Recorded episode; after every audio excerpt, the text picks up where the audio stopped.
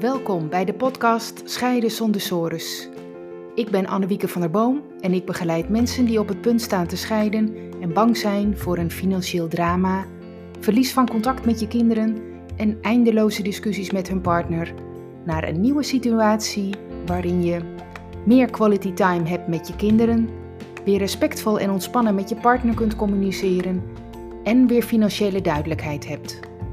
In deze podcast geef ik je informatie, tips en achtergronden die jou kunnen helpen goed door je scheiding heen te komen, met als resultaat weer plezier en energie om verder te gaan met je toekomst, voor jezelf en voor je kinderen. Dat is Scheiden zonder sores.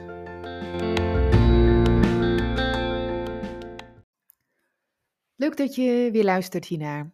Deze podcast gaat over het opladen van jezelf. Een telefoon opladen, dat vindt iedereen heel normaal. Of een iPad. Je ziet ook dat de batterij leeg is. Er gaat een lampje knipperen of hij doet het gewoon niet meer. En jezelf opladen. Doe je dat op tijd? Trouwens, wanneer is jouw accu leeg? Je merkt het misschien wel aan jezelf. Een scheiding vreet energie. Dat geldt voor iedereen, ook als je een sterke en succesvol persoon bent en ook als je fijne vrienden en familie om je heen hebt. En veel stress, je weet het wel, is slecht voor je gezondheid, maar het beïnvloedt ook je dagelijks functioneren. En het belemmert je in het nemen van beslissingen, bijvoorbeeld voor het afwikkelen van je scheiding. Ja, wat, wat doet die stress nu? Door die stress raakt je hormoonhuishouding in de war. En als dat langer duurt, dan merk je dat het moeilijker wordt om beslissingen te nemen. Of je neemt helemaal geen beslissing meer en je voelt je zwak uh, je komt vaker eh, in een negatieve situatie terecht. Hè, bijvoorbeeld in een ruzie. Of het lukt niet om afspraken te maken. Of je krijgt wraakgedrag. Uh, of je zet je kinderen in als ruilmiddel. En hè, dat kan ook allemaal heel subtiel. Hè? En daarmee kom je in een negatieve spiraal. Ja, hoe blijf je daaruit? Of hoe kom je daar weer uit? Ehm, nou, ik ga eerst even benoemen wat je allemaal tegenkomt. Dat is eigenlijk om een beetje inzicht te krijgen van hoeveel speelt er nou uh, in je en om je heen bij een scheiding.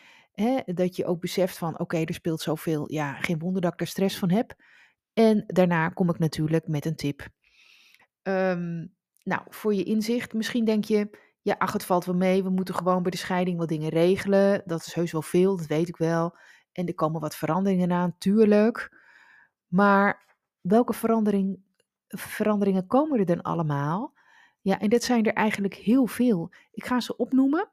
Um, en het zijn er waarschijnlijk meer dan je denkt.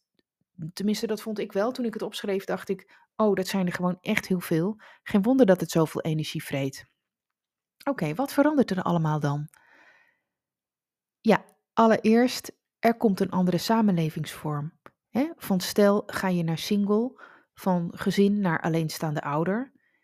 En het is ook niet meer automatisch zo dat je deel uitmaakt van de familie en vrienden van je partner. Dat staat vaak onder druk. De tweede, een andere invulling van je dagelijks leven. Ja, je hele ritme is ineens anders, want je doet het alleen. Je kookt alleen, je zorgt alleen voor de kinderen als ze bij jou zijn. Uh, dat geldt voor de leuke dingen en ook voor de minder leuke dingen. Drie, een nieuwe toekomst. Ja, geen gezamenlijke toekomstdromen meer, wel die van jezelf. Nummer 4. Het starten en afwikkelen van de praktische, financiële en juridische kanten. En dat is bijvoorbeeld de scheiding zelf, maar ook alle, uh, alles voor de kinderen en het huis en de inboedel. De vijfde, regelen van de partneralimentatie. Dat moet je ook samen bespreken. Nummer 6. Een andere woonplek. Je gaat verhuizen, um, of je partner gaat verhuizen. Um, dat kan zijn natuurlijk naar een definitieve nieuwe woning, maar dat kan ook tijdelijk zijn. Uh, moet je ook herinrichten, dat is ook een grote verandering. De zevende, afscheid nemen van een deel van de spullen. Ja, dat zijn spullen waar je al dan niet aan gehecht was. Nummer 8 wijzigen van inkomen en vermogen. Kun je straks rondkomen? Welke lasten heb je straks trouwens? Ga je meer of minder werken? Kun je nog met vakantie? Nummer 9. veel emoties. Die kunnen ook zomaar opkomen, ook onverwacht. En die emoties moet je verwerken. En daarbij komen dan ook nog de emoties van de mensen in je omgeving. Bijvoorbeeld van je ex-partner, van je familie, van je vrienden en van je kinderen. Nummer 10. Verandering en verlies van contacten. aan de ene kant van je ex-partner, maar ook gemeenschappelijke vrienden en soms ook aan je eigen kant. daar vinden vaak allerlei eh, veranderingen in plaats. Nummer 11. Verandering van je sociale leven. Je bent geen stel meer. Hoe ga je nu zelf je sociale leven vormgeven? Met wie? Met wie wel? Met wie niet? Misschien wil je ook wel een heel nieuw begin. Nummer 12.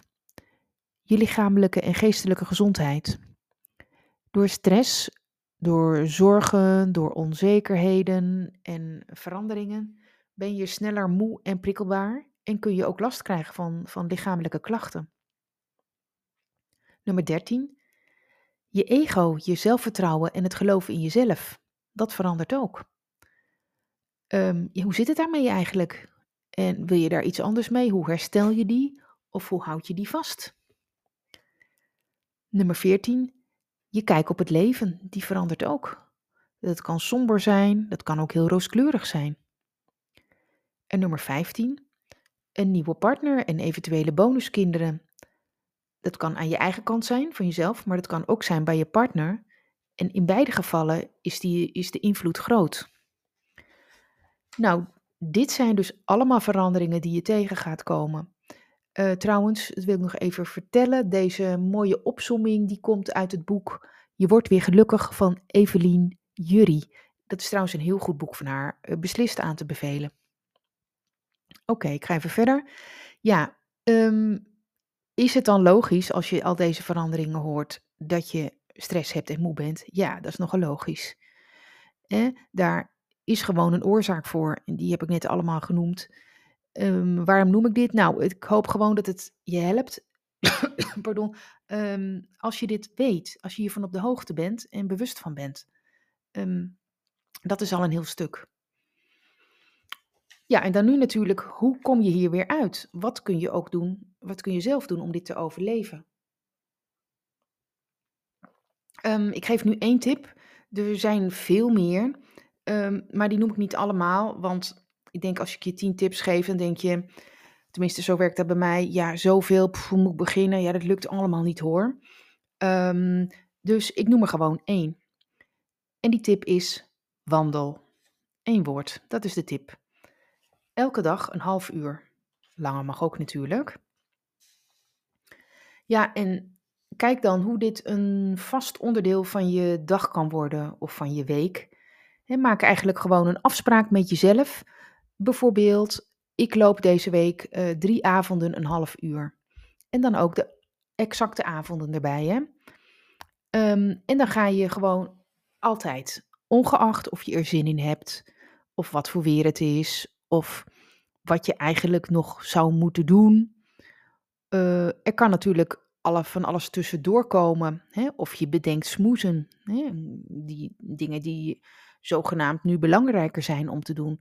Maar als je deze afspraak met, met jezelf maakt met jezelf, dan, dan wordt het gewoon gemakkelijker voor jezelf. En dan doe je het ook sneller. Daar gaat het allemaal om.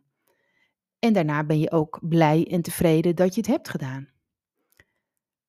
Ja, ik doe het zelf ook. Als ik een dag niet buiten ben geweest, dan, uh, als ik de hele dag op mijn bureaustoel heb gezeten of binnen ben geweest of uh, nou wat dan ook, dan ga ik s'avonds bijna altijd nog even lopen.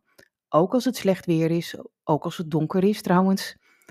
En zodra ik dan gewoon een paar passen buiten heb gezet, dan voel ik het, dan uh, adem ik die frisse lucht in en dan voel ik, ja, dit was een goed idee.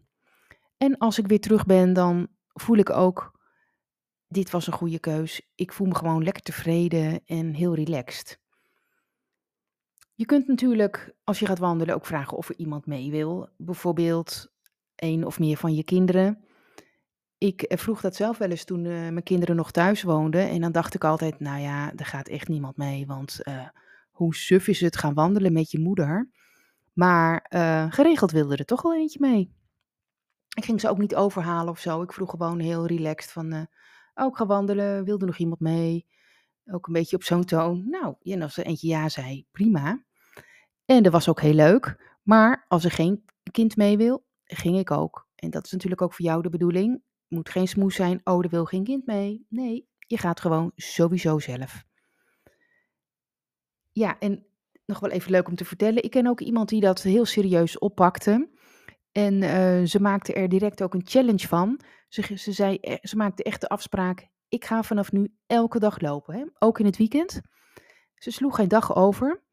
En uh, volgens mij ging ze ook nog een aantal, bepaald aantal stappen lopen. Had ze ook zo'n teller bij zich en, of ze hield het bij in een app.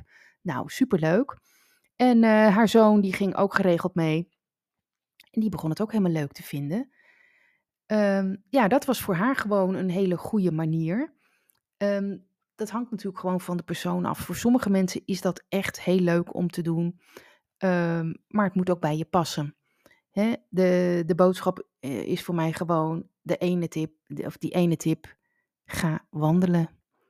Echt liefst elke dag een half uur. Nou, heel veel succes!